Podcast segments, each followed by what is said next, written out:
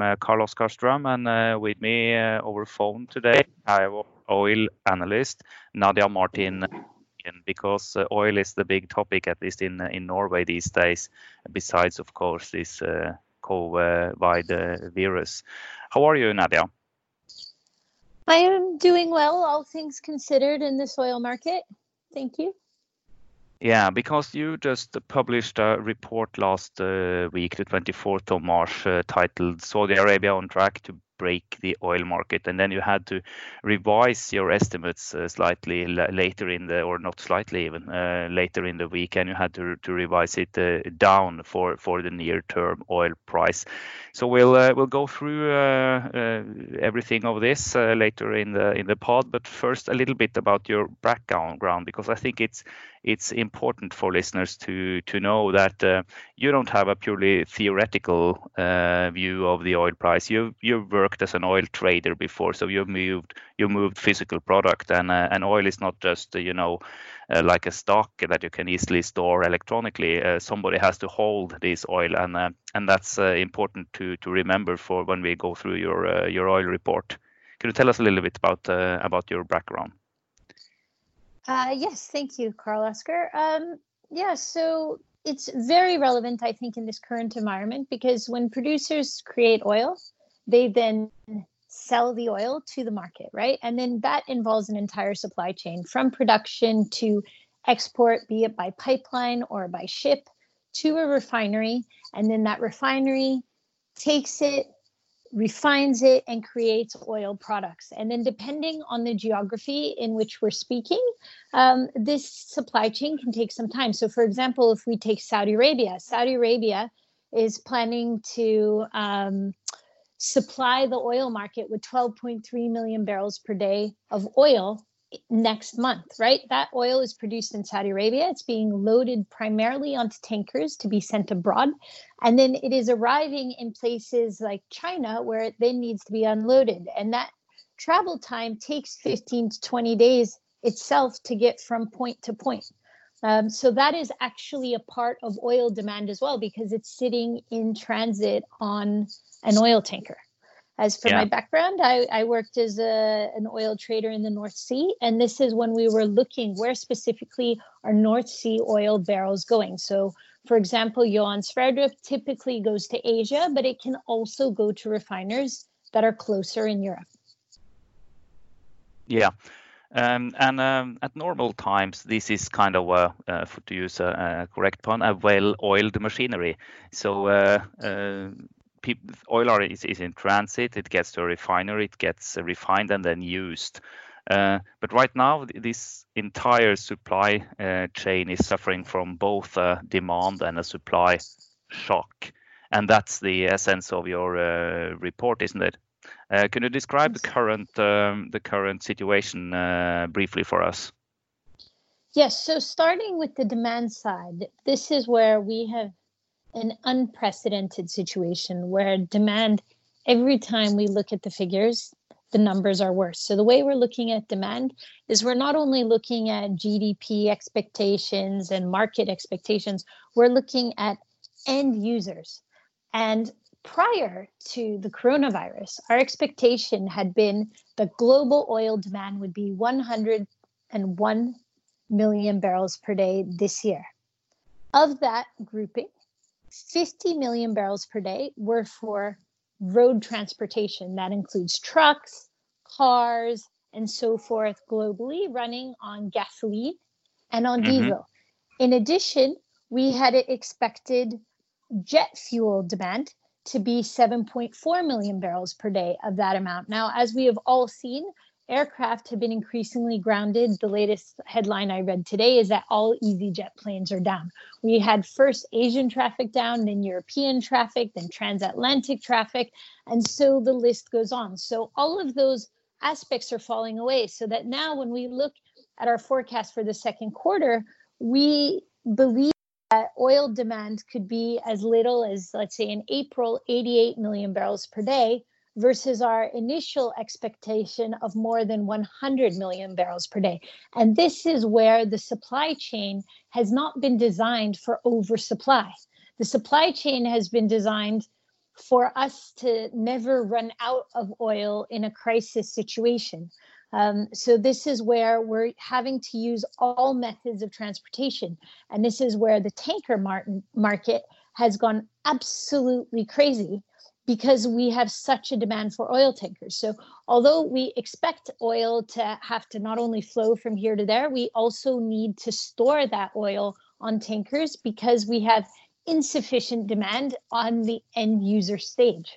Um, so, we now believe that up to 120, even 150 very large crude carriers, VLCCs, might be used primarily for storing oil in the short term.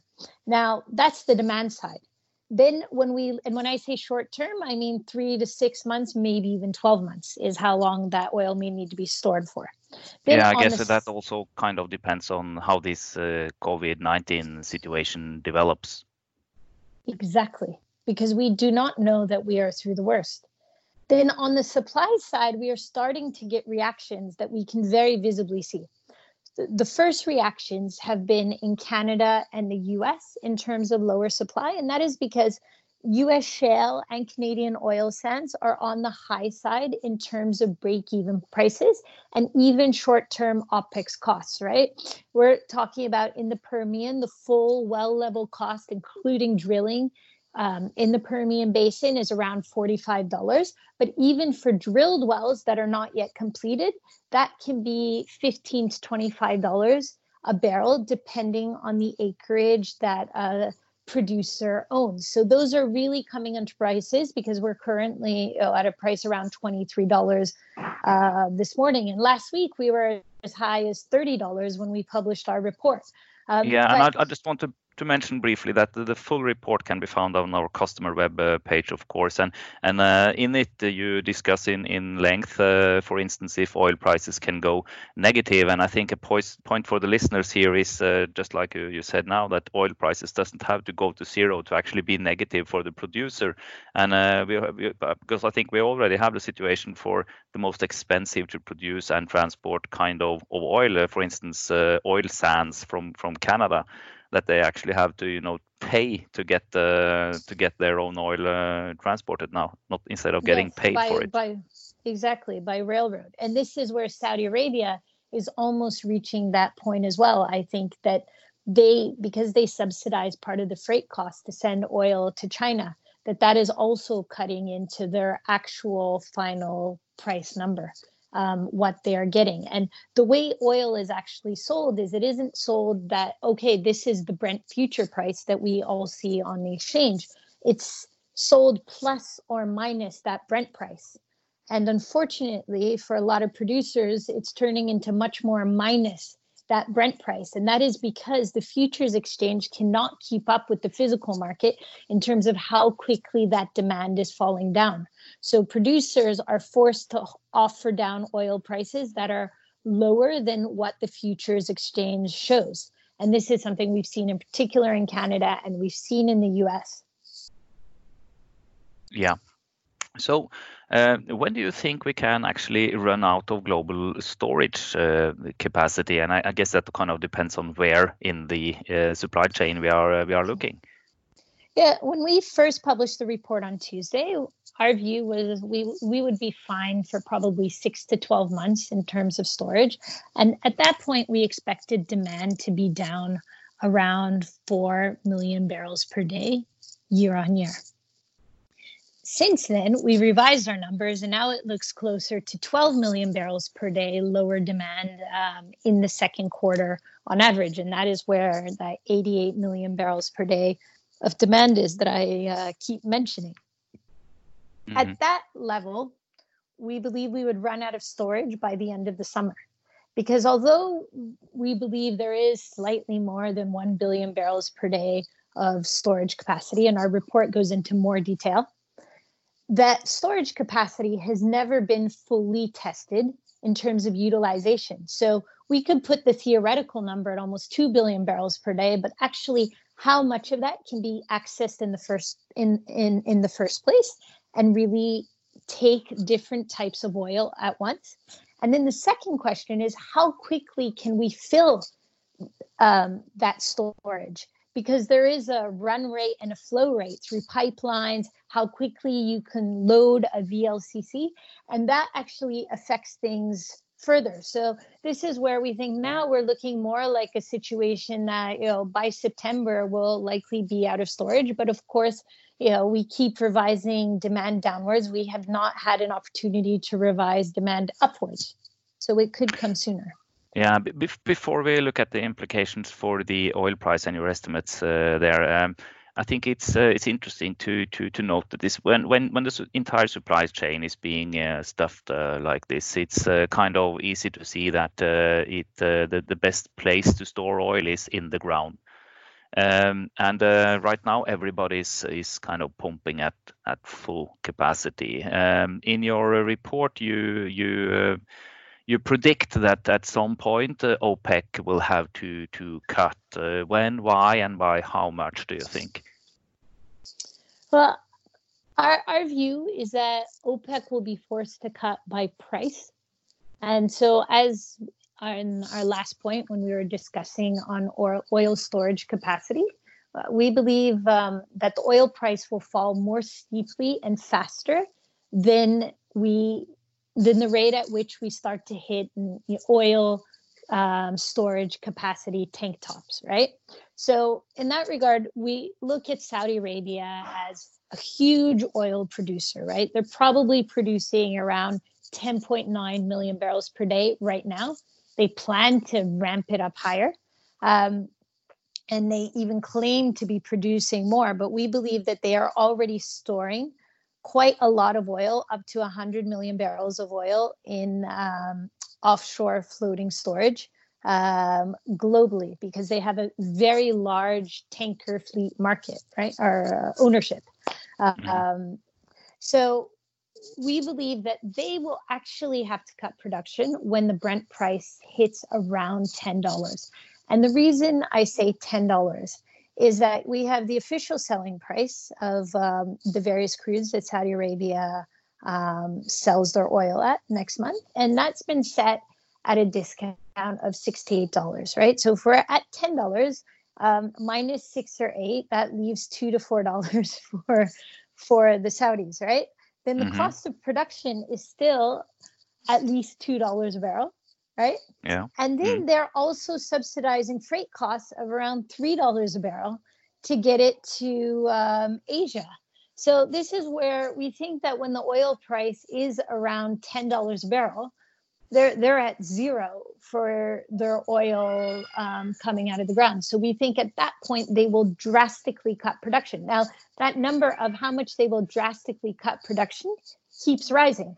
When we first um, published the port on Tuesday last week, we expected them to cut around 2.6 million barrels per day of output in the fourth quarter, and then slowly the markets would rebalance over the next two years.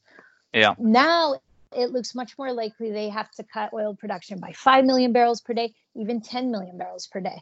Um, we then have other big producers, right? The US that I've mentioned is really suffering. So the US, we expect already in the third quarter to have cut production by 1 million barrels per day versus fourth first quarter production this year. Is that uh, because uh, not even OPEX is being covered covered by uh, current oil prices for uh, some of the most expensive players then in the US? Yes, part of it is that, but part of it is also this huge concern that the market cannot take the oil anywhere. So we have pipeline operators begging the producers to cut production because they're worried they cannot empty the pipeline on the other side because there's nowhere for that oil to go. Already last week, producers were not allowed to send oil down a pipeline if they could not confirm a buyer. Now the rule has become stricter that actually, please do not even pump oil into the pipeline. So they're being forced back on that front as well. Um, then we have another enormous uh, oil producer called Russia that is, of course, very integrated in this entire question and situation. And Unfortunately, we do not see Russia cutting production. Russia is tapping its sovereign wealth fund, wealth fund since the OPEC meeting to support oil companies in their continued production. And we do not see evidence that Russia is backing down. Russia would ideally want oil prices to be around $25, $30 Brent, because then shale is shut in, and they would like that to go on for three years so that shale, US shale, can never come back. Saudi mm-hmm. Arabia, mm-hmm. on the other hand, has tried to push the price down lower to force everyone to cut and comply to cuts as quickly as possible and therefore make Russia's will be bent in their direction. But anyway, this is uh, not a very uh, rosy scenario for uh, North Sea oil and uh, North Sea producers, high cost producers in general, and US uh, shale. Um, but uh, it's many moving parts. Well, if I may this, interject, hmm? Carl though, for all, you know, quite a few North Sea producers actually do not have such high costs. And this is where, if we take the example of Aker BP, right? Aker yep. BP's break even price for all of their Norwegian assets is between seven and eight dollars Brent. Mm-hmm. Then, if we look at Johan Sverdrup, their cost is only two dollars per barrel, so they can actually ride out this storm um, quite well in in our view, especially in the second quarter, because that is when we forecast an average oil price of $18 per barrel. So although I talked about $10 per barrel, I don't expect the oil price to stay there. I expect it to trade down there and then for the market to start to recover. Then we see an average oil price of $18 per barrel for the quarter. And then in the next quarter, as in the third quarter, we see that price further recovering to $25 per barrel. And then by next year, because this shock has been so big and it will wipe out significant producers, especially in the US and Canada, also lead to additional um, social disrupt and additional production risks in other countries that are more volatile. For example, Iraq, which has been mm-hmm. suffering major setbacks already this year. Um, you know, we believe that oil prices will easily be at the $50 mark on average next year. And then over time, they will recover to $60. But of course, we are not through the worst at all yet. So short term is going to to be we're going to see still lower oil prices until kind of something breaks and, and somebody has to cut and, and somewhere some producers will be forced out because of these low prices.